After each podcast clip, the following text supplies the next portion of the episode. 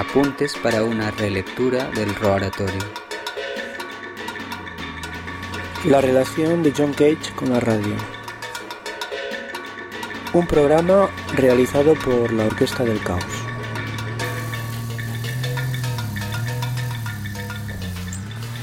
Muchos de ustedes han oído hablar de John Cage. John es un joven sorprendente. Vino a Chicago como lector invitado en la Escuela de Diseño. Este invierno llevó a cabo un programa con el Dr. Stock en la Universidad de Chicago que zarandeó con fuerza a todo el mundo. John está experimentando con sonidos, sonidos y ritmos y percusiones. Escribe composiciones para sonido, no música, a pesar de que él piensa, y yo no soy quien para decir que está equivocado, que el sonido es música. Sí, hasta un reloj de alarma sonando a las 6 de la mañana. Él llama a sus composiciones organizaciones de sonido, y John piensa que su medio es la radio. Así anunciaba Bohilo Lahey en The Chicago Sun, The City Wears a Slouch Hat, que iba a ser radiado en el Radio's Pioneers Air Columbia Workshop. Esta obra fue radiodifundida el 31 de mayo de 1942. Cage se había trasladado a Chicago en 1941 y estaba experimentando con dispositivos electrónicos en los estudios de la radio. Entre los proyectos de esa época figuraban la creación de un centro para la experimentación musical. Esperaba y finalmente lo consiguió, obtener un encargo de la radio de la CBS para la realización de una obra de teatro radiofónico. Se cuenta que pensaba entonces que la radio era el medio natural donde podría eliminar las diferencias existentes entre los efectos de sonido y la música.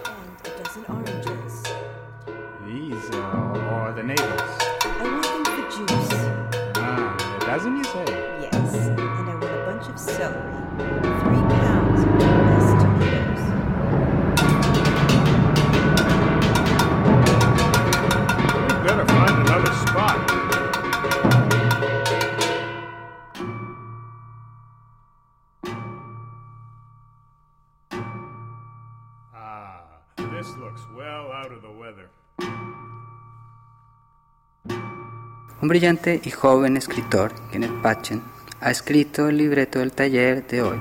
Lo llama The City Wears a Slush Hat. Me dejé caer en el ensayo del programa, es decir, un ensayo de sonido. La señora Cage, antes Senia Kashevarov, hija de un pastor ruso, es uno de los intérpretes de su marido. Estaba tocando cinco latas finas ordinarias. Celia Amidon, profesora de piano aquí en Chicago, estaba tocando una miriada de instrumentos de percusión como tom-toms, cajas chinas y campanas de alarma, con masas, baquetas de madera y papel de lija. Stuart Lloyd, un joven que se está licenciando en física en la Universidad de Chicago, percusionista en la orquesta de la universidad, batía los gongs de metal y de agua. Ruth Hartman y Claire Oppenheim, ambas violinistas de la orquesta de la universidad, obtenían extraños efectos de grabaciones. John Cage dirigía el grupo. Como pude escuchar, estaban ajustando la composición de los sonidos a los textos del libreto. Al principio era un caos de sonidos y de repente todo tomó forma. Era precisamente el sonido apropiado para la acción. Les Mitchell, productor de muchos trabajos de teatro radiofónico, dirige el taller de hoy. Los actores locales que intervendrían en este drama radiofónico experimental son Madeline Gayson, Les Tremayen, Forrest Lewis, Jonathan Hall, Frank Dane y John Larkin. Oh, I can't help what you want.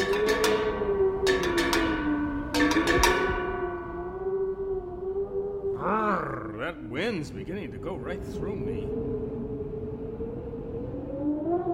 What I need's a little good cheer.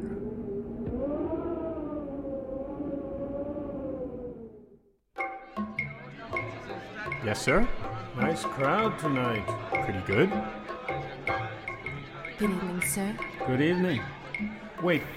John Cage ha escrito música para piano, para voz e instrumentos de viento, pero su interés se centra ahora en la percusión y en los sonidos eléctricos. Escuchen el taller de hoy. Puede que no les guste, pero tendrán que admitir que es interesante y llamativo. Definitivamente, esto abrirá puertas al sonido de la radio. This, sir? That's right. Go easy on the lemon.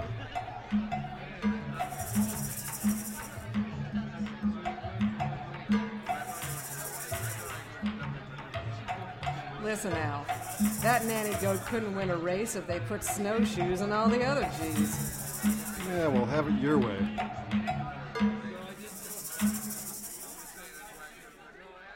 And now, ladies and gentlemen, I'd like to introduce you to a little lady. I don't care much for her voice. Paper! Paper! Paper, mister? No, I don't want a paper. Here, give me one. Here. Now, Ed, you know as well as I do that a thing like that could cause a lot of trouble. But I still think you could make something out of it. But whether or not... Now, now that sounds like it might be interesting. We'll see. Now, a dog, maybe, but not a horse. What's the matter with the horse? There ain't nothing the matter with a horse. But if it was a dog, I'd feel a lot better. Okay, okay. You'd feel better, but that horse ain't a dog. Go ahead, light your own first. Now, what's uh, Ida think? What's Ida think? Well, what do you think she thinks? There we are in the kitchen playing cards with the neighbors in the front room. It don't make no difference to him. He'll just mosey in and start talking. Uh, what's he say? What's he say? What don't he say? That horse just pops out with the first thing comes in his head. I still think you could make something out of it. What, what, what happened to let people... Oh, well. Yeah, they walk too fast.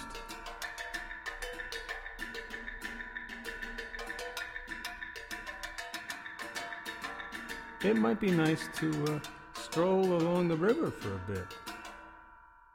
Tras haber realizado un ingente trabajo en música, teatro, poesía y artes visuales, John Cage redescubrió la radio como nuevo medio para explorar cuando empezó a considerar la realización del roaratorio en el año 1979. Con Klaus Schenning, que era entonces productor de plantilla para la realización de Hörspiels, es decir, radio plays, se decía en Estados Unidos, y teatro radiofónico, podríamos llamar nosotros, para la Westdeutsche Rundfunk, ya entonces él había llevado a cabo Mois en 1973. Más adelante, después del oratorio, eh, también junto a Klaus Schoening, llevó a cabo la producción de Ein Alphabet en 1982 y de HMCIEX en 1984. Desde un punto de vista estricto, estos Hörspiels eh, representan un intermedio entre los dominios de la poesía y los de la música, sin caer definitivamente en ninguno de ellos.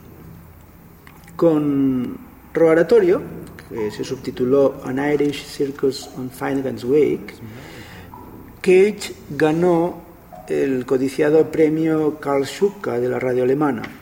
En esta obra eh, se abre una puerta a un mundo acústico infinitamente rico, enraizado en ideas musicales y literarias. Y se trata de un mundo hecho con sonidos, texto y música en el que el oyente puede experimentar a placer los sonidos al tiempo que se expone a ellos, y los cuales la radio, normalmente restringida a la mediación de una información unidimensional, no puede normalmente ofrecer.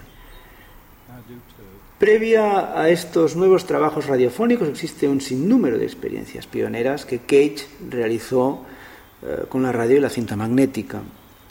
Como recuerda el compositor uh, William Duckworth, el Imaginary Landscape No. 1 de 1939 fue pensado para una interpretación en un estudio radiofónico, para ser grabado o radiado. La partitura requiere cuatro intérpretes que emplean dos tocadiscos con grabaciones de frecuencia constante unos y de frecuencia variable otros, un gran gong chino y un piano. Los resultados del esfuerzo interpretativo requerido por la partitura son registrados por dos micrófonos y de ahí se envían a un asistente que se encuentra en la sala de control.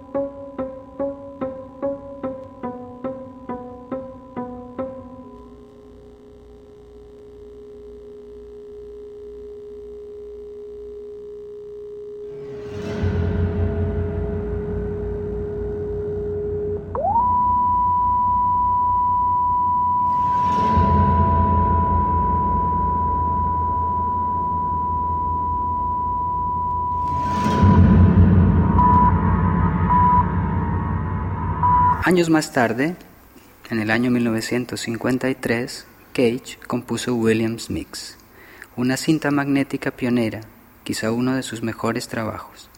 Se trata de la primera que compuso para cinta magnética. Comentando su partitura, Cage explica. Esto es una partitura de 192 páginas para realizar música en cinta magnética. Cada página tiene dos sistemas de ocho líneas cada una. Estas ocho líneas son ocho pistas de cinta magnética. Están dibujadas a tamaño real, de manera que la partitura constituye una guía para el corte y separado de la cinta. Todos los sonidos grabados se disponen en seis categorías. Se necesitan 600 grabaciones aproximadamente para llevar a cabo una versión de esta pieza. Los medios de composición fueron operaciones aleatorias derivadas del I Ching.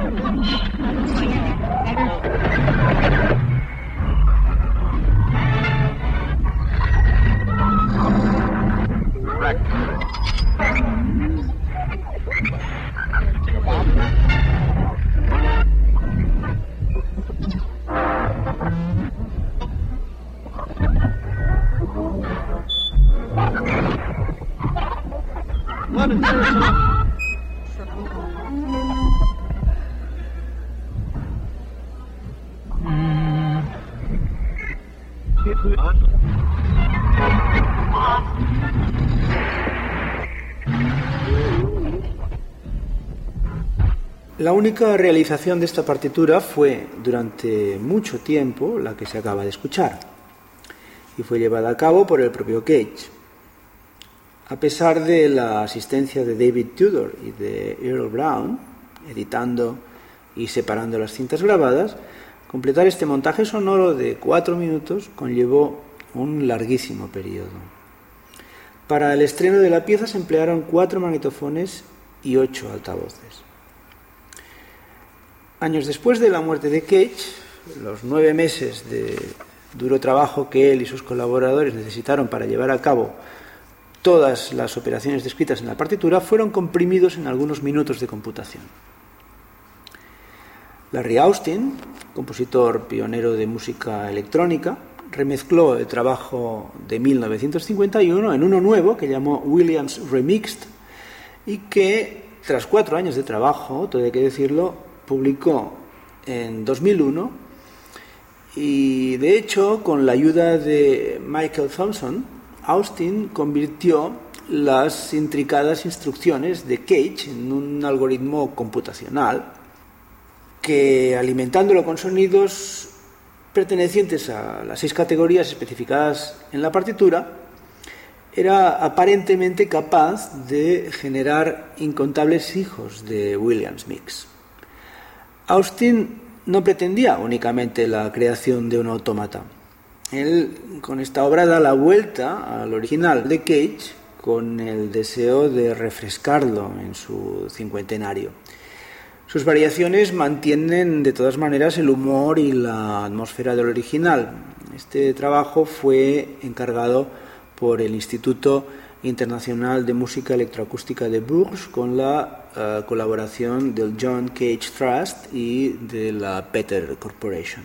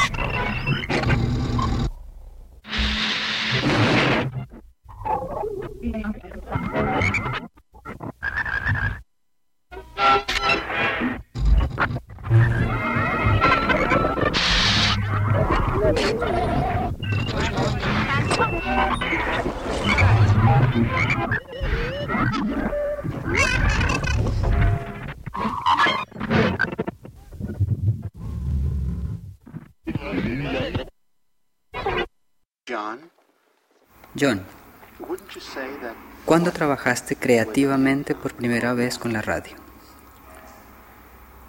Cuando fui a Seattle y trabajé como acompañante de danza para las clases de Bonnie Bird, me sentí en principio atraído por la presencia allí de una gran colección de instrumentos de percusión. Pero cuando llegué descubrí que había una estación de radio en una edificación externa y que estaba en conexión con la escuela. Ese edificio aún existe, pero ahora se usa para hacer trabajos de cerámica. Entonces había una radio donde podíamos realizar experimentos combinando instrumentos de percusión y pequeños sonidos que requerían los medios de amplificación que había en el estudio. Podíamos también retransmitirlos al teatro, que estaba a algunos pasos más allá, pero también podíamos hacer grabaciones y emplear las grabaciones como instrumentos. ¿Cómo es eso de que usabais las grabaciones como instrumentos? Bueno, la, la grabación produce un sonido y la velocidad de la grabación cambia su altura. Los tocadiscos que teníamos no se ven ahora, pero disponían de un embrague que permitía cambiar de una velocidad a otra. ¿Y qué podíais hacer en la radio que no se pudiera hacer haciendo sonar las grabaciones en vivo? Los tocadiscos estaban en la estación de radio, no se podían mover y tenían esos controles de velocidad tan interesantes. ¿Y qué podíais hacer con esos controles de velocidad? Bueno, cuando cambias la velocidad de una grabación, también cambias la frecuencia del sonido grabado. Yo empleaba sonidos continuos que habían sido hechos por la compañía Victor para la realización de pruebas. Había sonidos de frecuencia constante y también sonidos cuya frecuencia cambiaba suavemente en un rango grande. Precisamente esas grabaciones fueron empleadas en Imaginary Landscape Number One. ¿Y sonaban simultáneamente los tocadiscos? No. Eh, Si ese ha sido el caso en algún lugar de la pieza, lo he olvidado completamente. Pero sonaban, eso sí, simultáneamente con otros instrumentos, como los platillos, el piano preparado y así.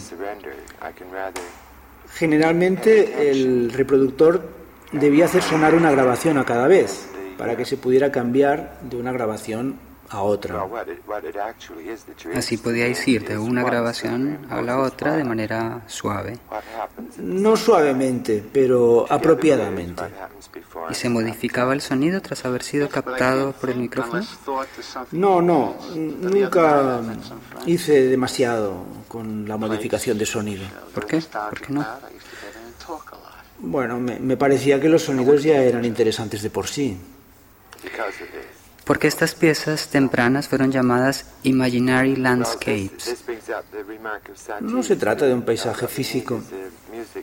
Es un término reservado a- precisamente a las nuevas tecnologías. Es un paisaje en el futuro, pensado como si la tecnología fuera empleada para hacerte volar e ir como Alicia a través del espejo. ¿Y estuvieron tus Imaginary Landscapes tardíos relacionados con la radio? Estuvieron relacionados con aquellos tocadiscos, pero nunca pensé en ellos como necesariamente relacionados con la radio, sino más bien como necesariamente relacionados con las posibilidades de la tecnología, las que estaban disponibles en las estaciones de radio o en cualquier otro sitio. Por eso, si hubiera encontrado algo en un estudio de cine, por ejemplo, como un fonógrafo para películas, eso hubiera constituido un material perfecto para un Imaginary Landscape. Más tarde, Imaginary Landscape Number 4 fue escrito para 12 receptores de radio y el número 5 lo fue también para cinta magnética. ¿Cómo desarrollaste la noción del uso de un receptor de radio como instrumento musical? Existe una tendencia a lo largo de todo el siglo XX, desde los futuristas, a usar ruidos o cualquier cosa que produzca sonido como instrumento musical. No fue realmente un avance por mi parte, fue más bien simplemente resultado del ejercicio de abrir mis oídos a lo que había en el aire. ¿Recuerdas tu pensamiento de esa época?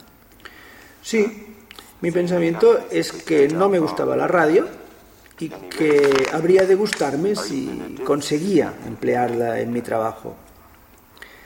Se trata de algo del mismo tipo que el pensamiento que adjudicamos a los pintores rupestres, que en sus pinturas en las paredes de las cuevas evocaban animales espantosos. A través de la expresión pictórica deberían llegar a resultarles más familiares. Eso mismo es lo que hice con el grabador en Milán cuando fui a hacer Fontana Mix. Me sentía desbordado por todas las posibilidades. Por eso, el primer día, simplemente me senté ante él y me dediqué a hacer un dibujo de toda la máquina. Podemos decir que era como un exorcismo. Exacto, es verdad. ¿Por qué escogiste 12 radios para Imaginary Landscape Number 4? Hay tantas respuestas posibles. No recuerdo cuál de ellas rondaba en ese momento por mi cabeza. Una es que la octava tiene 12 semitonos y la otra es que hubo 12 apóstoles y así. Parecía un número razonable. Se ha dicho en los libros de historia que cuando las viste alineadas dijiste, ah, las doce gargantas doradas. Ahora imagino que era un comentario irónico. No, el modelo de radio que empleé se anunciaba como garganta dorada. ¿Pero las pensabas como gargantas doradas? Sí, porque cuando caminaba por las calles en los años 50, cerca de la Radio City, estas radios se exhibían en los escaparates. Se anunciaban con el nombre de Gargantas Doradas y fue por eso que de manera inmediata decidí hablar con el presidente de la compañía o con el propietario de la tienda, con quien fuera, para pedir que me las prestaran. Así lo hice y me hicieron el préstamo. Así, con tu exclamación de 12 gargantas doradas, les hiciste publicidad gratuita. Exactamente. ¿No había dos operadores por cada receptor de radio? Cierto. Uno controlaba los kilociclos y el otro el tono y el volumen. ¿Y qué instrucciones diste a los intérpretes? Las particelle fueron escritas en lo que yo llamo notación proporcional, donde las notas son puntos de un espacio que se traduce en términos temporales. Sin embargo, eso está escrito con cambios, con accelerandi y ritardandi. Así, la notación de esta obra se encuentra en el cruce entre la notación proporcional y la convencional. ¿Y eran músicos los 24 intérpretes de los radioreceptores? Sí, lo eran. Todos podían leer notas y había un director que marcaba un compás de 4-4. ¿Y quién era el director? Lo hice yo.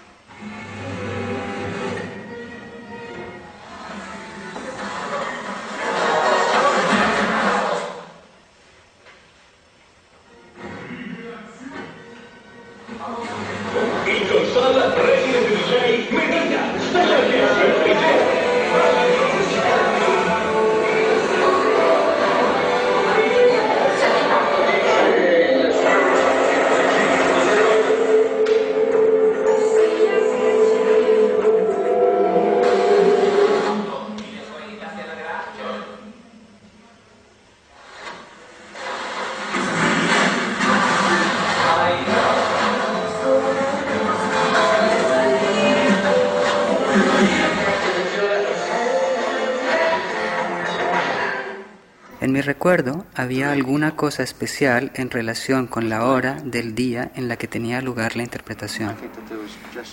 La primera vez casi no había sonido.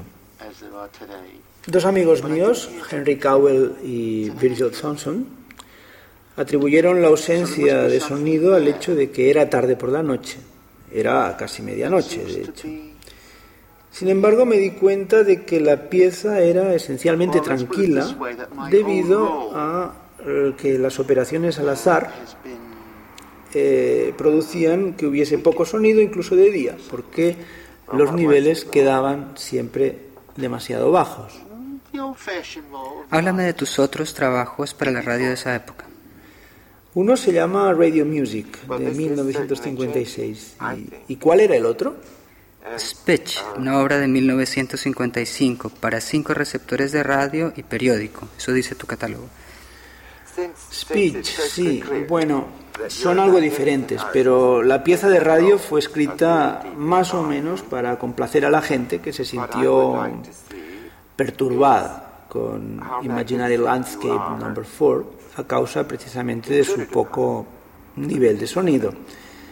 No recuerdo qué hice, pero puede ser interpretada más fuerte.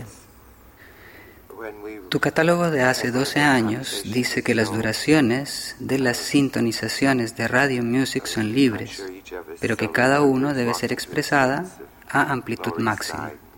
Así es. Bueno, entonces es obvio que eso es lo que pasó. Si la gente quería que las radios estuvieran fuerte, esta era la pieza que debía ser interpretada. ¿Cómo te hizo cambiar la escritura de estas piezas tu actitud hacia la radio, al menos en tu vida personal? Me hizo escuchar la radio con gran interés, sin tener en cuenta lo que estuviera siendo transmitido. ¿Y entonces qué era lo que escuchabas? Cualquier cosa que se oyera, yo nunca enciendo o apago la radio para escuchar. Pero cuando iba por las calles o cuando un vecino la ponía o así, la escuchaba como si se tratara de un instrumento musical. La radio se volvió un instrumento musical favorito para ti. Tan favorito para mí como los sonidos del tráfico. Cuando ibas con la compañía de Merce Cunningham por todo el país en los años 50, ¿teníais radio en el autobús? No, jugábamos al Scribble. De 1 a 3, hasta 8 receptores de radio para un total de 6 minutos de escucha final a partes iguales de las frecuencias y los silencios indicados en cada una de las 8 partes de la pieza, clasificadas de la A a la H. En esta ejecución se emplean receptores multibanda National Panasonic RF 1600 VHF Aircraft, frecuencia modulada, amplitud modulada, onda media y onda corta, durante un tiempo real de 6 minutos entre las 22.30 y las 23.50 del 5 de abril de 1974. La falsa apariencia dionisíaca de este fragmento reposa en la pasividad de la escucha, una escucha que obliga a la conciencia a regresar al estándar de los media, es decir, al nivel que nos lleva toda su calidad escondida escombros de esos castillos infantiles que son los programas radiofónicos. Más allá del balbuceo demistificado de la escucha fácil, se pueden captar todas las astucias, todos los recodos de la música que ofrece siempre y esencialmente la misma cosa. Aquí, Cage sigue a muerte la alusión formal contenida en el gorgoteo continuo de los ruidos y de los sonidos y revela su naturaleza de tráfico. Esa es la razón por la que este fragmento, al tiempo que revela su forma de hacer, rechaza el fetiche del intercambio que se esconde tras la mercadería cultural. Los escombros son los muros de la apariencia que se desmorona ante la ilusión de un uso psicológico de la escucha musical. Pero en Radio Music esta satisfacción no puede pasar por valor de uso. Se liquida con el fardo de sus alusiones mercantiles. Sono le 22.30.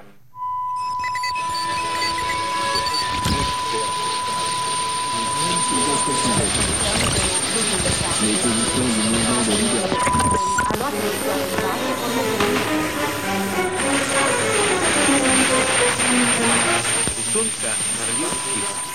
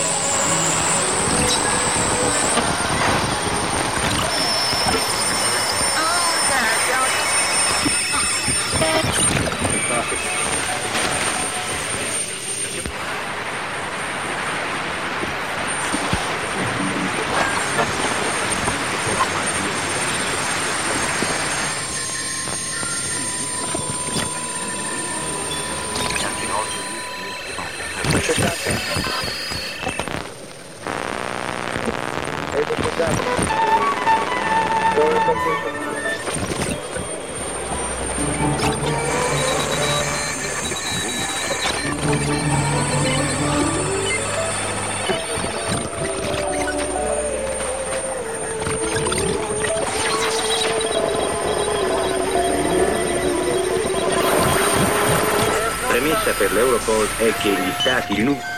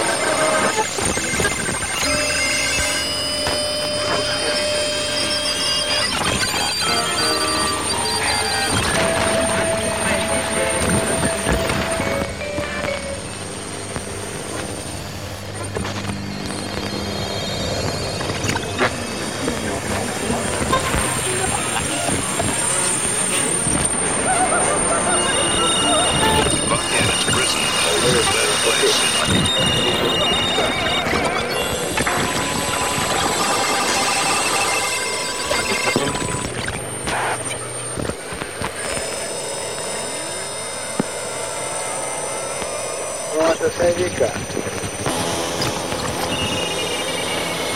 96 descendo solamente adesso perché praticamente mezz'ora se eravamo disturbati e dovevo proprio dare.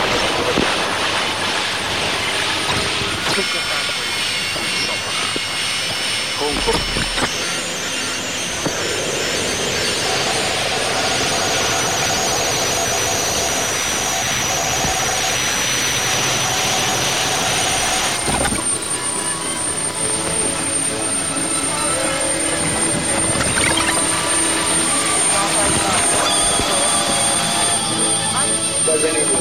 venivi 72.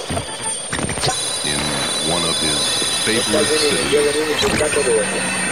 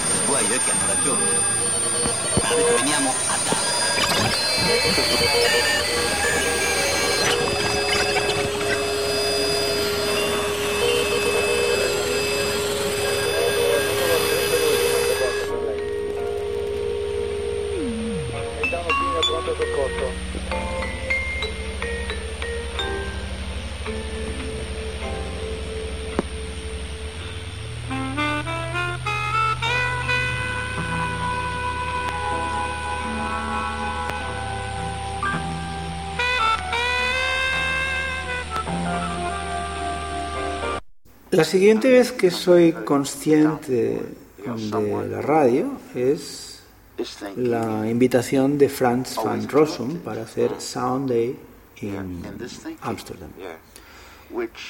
Era tan extraordinario que acepté. Extraordinario porque implicaba algo como 12 horas de radiodifusión con un único anuncio al principio, otro al final y otro en el momento central de la pieza. Eso era todo. No había ninguna otra interrupción del sonido. Por eso, por la mañana puse piezas como Grete Sultan o los Astral, al piano, encajadas entre las interpretaciones de branches, eh, materiales de plantas, de cactus y así. Por la tarde puse los Freeman Etudes para violín. ¿Y estas piezas eran radiadas simultáneamente o alternativamente? No, por, por la mañana consistía principalmente en branches y cada tanto se escuchaba un estudio para piano. La imagen que tenía en mente era como un paseo por un parque de atracciones, de esos donde hay túneles y barcas y donde de vez en cuando, por unos instantes, puedes ver alguna imagen que se ilumina. Así no mezclaste piezas como hacen algunos intérpretes. No. Y luego por la tarde el túnel pasó a ser de branches a inlets. De vez en cuando se escuchaban los Freeman Etudes tocados por Paul Zukowski y hacia el final los cambié por la voz de Demetrios Stratos cantando los Mesostics Re and Not Re, Merce Cunningham. ¿Cuánto de esto era en directo y cuánto era pregrabado? Todo era en directo. La cosa entera era una interpretación que podía haber sido hecha durante el día entero por gente en Ámsterdam. Fue después de esta performance cuando conocí a Klaus Schoening. ¿Pero qué hizo de esa experiencia radiofónica de Sunday algo diferente de un concierto? El hecho de que no se estuviera ahí. Así la radio era simplemente un medio de diseminación. Exacto, pero ves, no hubiera podido pensarse en un concierto que durara todo el día. Mientras que así, por la naturaleza de esa diseminación, fue posible para Franz van Rossum pensar en la radiodifusión de una forma ininterrumpida. Un resultado natural de esa radiodifusión tan larga, me parece a mí, es que los oyentes puedan entrar y salir. ¿Calculaste este hecho cuando escogiste tu programación? No pude calcular nada, yo solo estaba pendiente de lo que la gente podría sintonizar. Y en ese caso, programar para la radio podría ser muy distinto ¿no? que programar para una audiencia en vivo. Exactamente.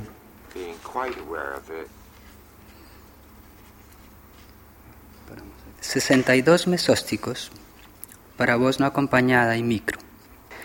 Hoy en día esta pieza es un bloque vocal formado de palabras escogidas con el I Ching, procedentes de Change, Notes in Choreography de Merce Cunningham, así como de 32 otros textos escogidos por Merce Cunningham entre los libros de su biblioteca.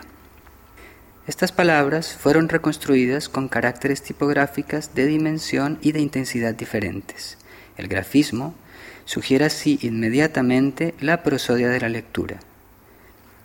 El ejecutante es libre de leer estos bloques vocales como le plazca y durante un tiempo que no sobrepase los 90 segundos. Es libre de leer tantos como desee, a partir de un mínimo de 5. Esa es la razón por la que la obra tiene una duración indefinida entre 7 minutos 30 segundos y 3 horas 3 minutos. John Cage aconseja la articulación del texto de manera que se rompa el hilo semántico. La revolución de la técnica vocal llevada a cabo por Cage es absoluta. Desenmascara antes que nada el carácter simplemente convencional de las pretendidas texturas de la voz humana. Trascendiéndolas no se lleva a cabo otra cosa que un simple cambio de timbre, inaceptable quizá para la música tradicional, pero extremadamente apropiado a la música contemporánea.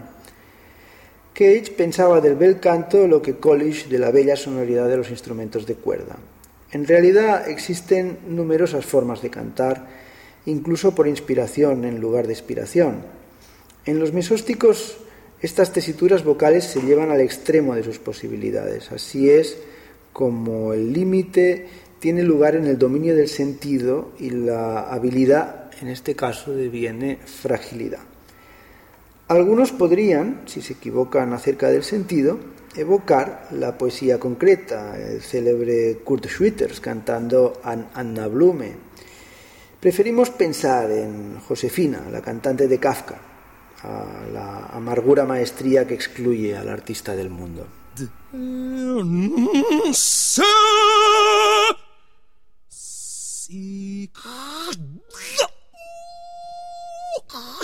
¿Qué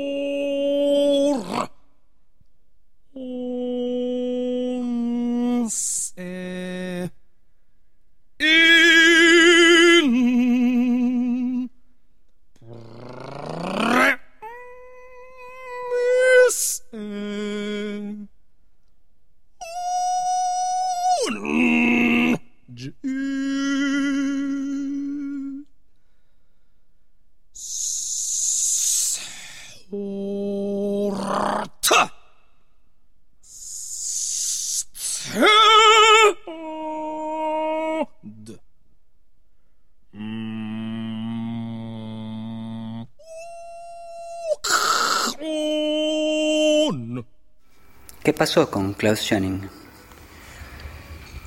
Él había sabido por Franz van Rossum que yo había llevado a cabo un Writing through Finnegan's Wake y me preguntó si estaría dispuesto a leerlo para su programa de Hörspiel en Colonia.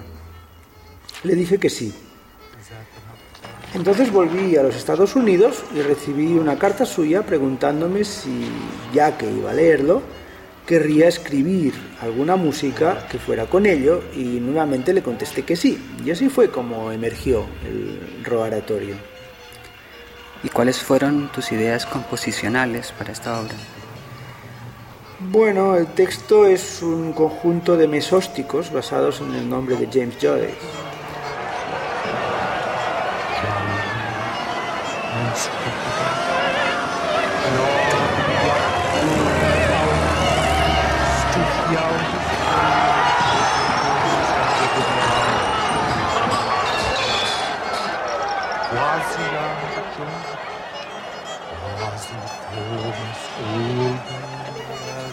No se trata de mi primer writing through Finnegan's Wake, sino del segundo. Pero la cuestión era qué tipo de música escribir para lo que yo sabía que la lectura del texto por sí misma podría durar. Era una hora y esa fue precisamente la duración del programa que él quería hacer. Por eso decidí emplear mi lectura como una pauta, por así decir, a lo largo de Finnegan's Wake. También decidí leer el libro para encontrar los sonidos que sugiere. Cuando un perro ladraba, si ladraba, digamos en la página 23, línea 10, entonces yo debería encontrar dónde eso podía estar en relación con mis mesósticos, así como cuál era identificable por página y línea y en qué manera yo podría ser capaz de disponer cada cosa donde le correspondiera.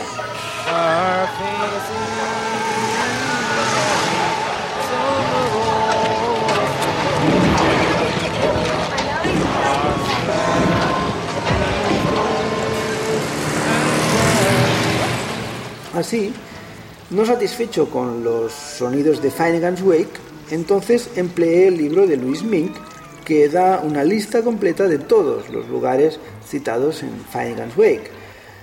Así, pude ir a todos esos sitios y hacer grabaciones ambientales para ponerlas donde les correspondía en relación al texto. Hice un proyecto enorme que podría haber necesitado la vida entera, o al menos tanto tiempo como Joyce necesitó para escribir Finnegan's Wake. Pero nosotros lo hicimos en un periodo de tiempo arbitrariamente más corto. Escribí a bastante gente en todo el mundo para que contribuyera con sonidos, porque nunca me planteé ir a China.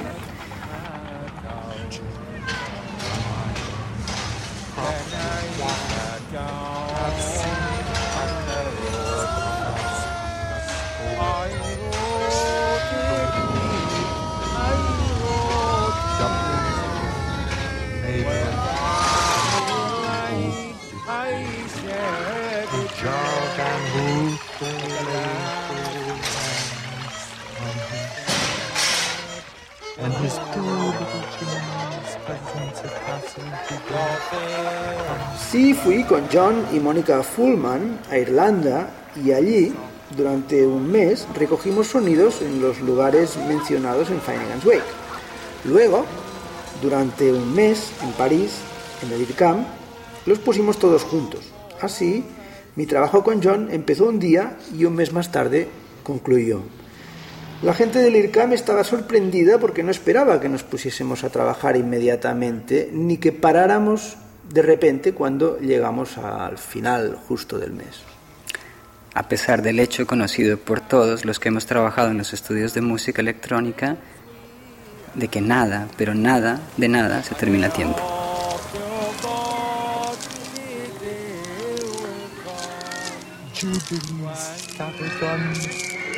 family symbolizing purity.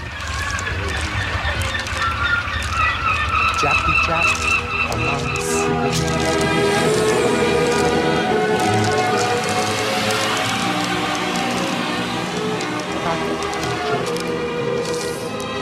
Sociological comedian, his house about him with invariable God's stretched truth.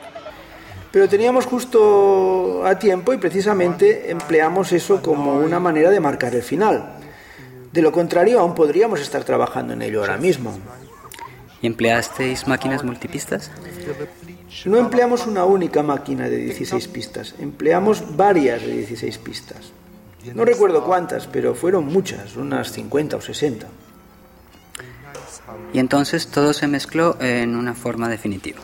No, existen varias formas. El, el rolatorio puede ser interpretado con todas las pistas separadamente o en varias combinaciones. Así puede ser finalmente radiado o puede ser estereofónico o en cuatro partes, puede ser en cualquier número de partes. Puede emerger de 50 o 60 altavoces independientes. Sí. Esto te sitúa en el mismo territorio que el Poème électronique de Edgar Varese del año 1958. Sí, y creo que es el lugar correcto a donde ir. Uno debería ir, como David Tudor, a la selva para encontrarse con una multiplicidad de fuentes sonoras en lugar de unas pocas.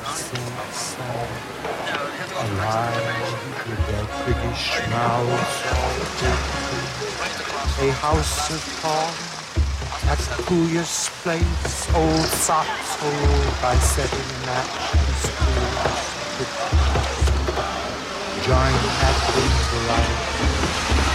Cat's skin is Juiced after taking their victim from Cairo down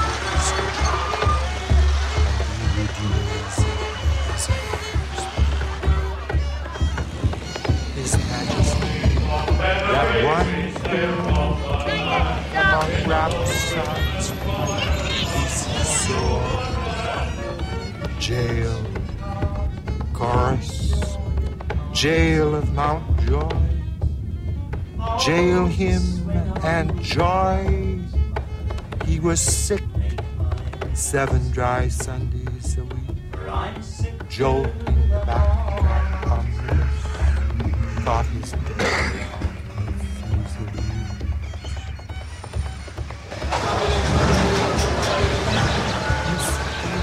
James Jones, home of Luton, taking four hearts and Juxtapositions we are local power we blow. To have to see nice as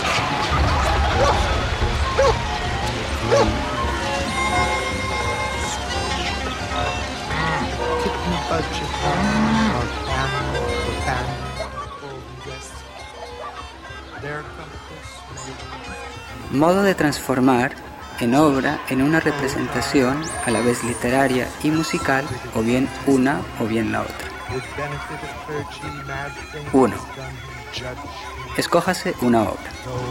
Si no se encuentra en el dominio público, obténgase el permiso para utilizarla, a menos que se siga el punto 2. De manera que las palabras no aparezcan de la misma forma que en la versión original, o bien codificar el texto de manera que cada una de las palabras originales sea representada por otra palabra, sin olvidar de cambiar también el título de la obra.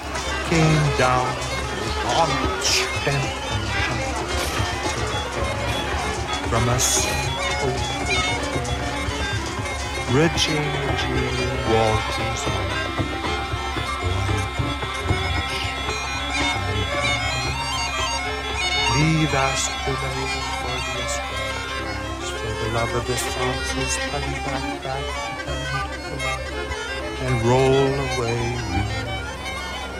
all your smoke treasures by a large jugful someplace on the sea, where fearful he isn't by or rum could canoodle the two chitty chitty wall carcasses, snapping chaps. Wink, and with astonishment kicked at her jamsy jellied mouth she gravely out. 2. Tomando ya sea el nombre del autor, ya el título de la obra, ya ambos, escribir una serie de mesósticos empezando por la primera página y continuando hasta la última. Mesóstico significa una serie que atraviesa la obra de principio a fin. Un mesóstico se compone de la siguiente manera. Se encuentra primero la primera palabra del texto que contiene la primera letra de la serie, pero que no contiene la segunda letra de la serie. Se coloca esta segunda letra en la segunda línea, de manera que se encuentre la próxima palabra del texto que contiene la segunda letra de la serie, pero no contiene la tercera. Y así. yards and several bottles, though he asked him to permit the very odd food. Jolting change excelsis rather amusedly replied to J.J. and S. Before first hint of gay-gay and whisk-wigs, whisk-skews, up liberties and exceptions.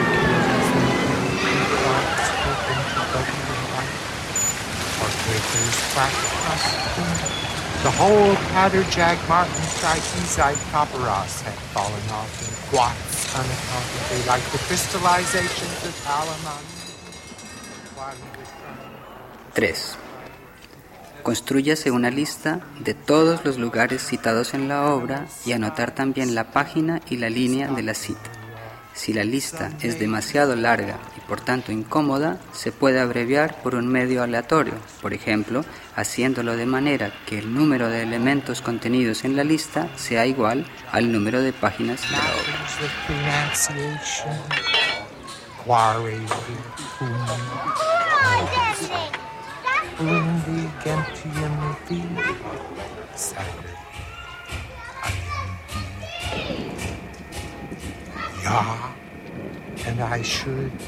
Yes, your brother struck in bank in multifine. Whether he fell in with Punic judgeship, penal law, 4. Construyase una lista de todos los sonidos citados en la obra, así como una lista de las páginas y las líneas correspondientes a cada mención de los sonidos. Si esta lista es manifiestamente demasiado larga y además desconcertante a causa de la gran variedad de sonidos, se puede establecer categorías de sonidos y no conservar más que los pertenecientes a algunas categorías.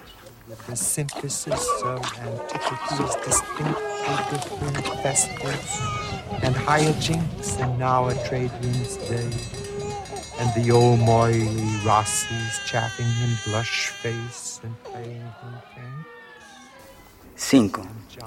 Júntese tantas grabaciones como sea posible en los sonidos citados en la obra. Véase el punto 4. Llevadas a cabo en los lugares citados en la obra. Véase el punto 3. Grábese en estéreo, uno a cada vez, en una cinta multipista y sitúense estas grabaciones en los momentos convenidos.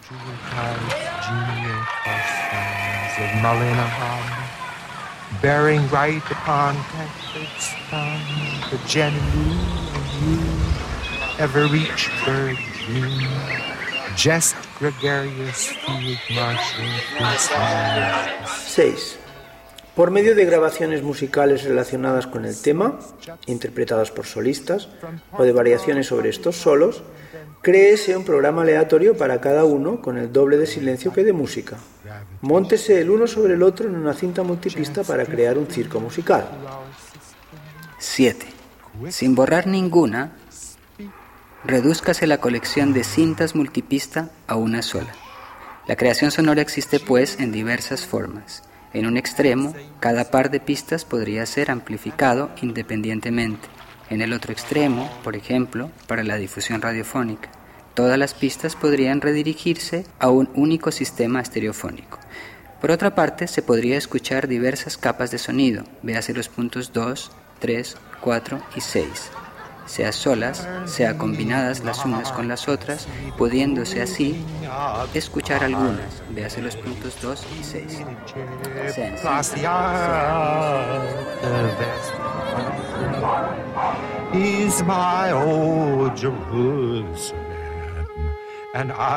en He's my my jockey uh, from Victoria. Way to Jumbo, to Javelin, to wave the golden, the mouth I not stop to watch where it should go. And I know what first the bird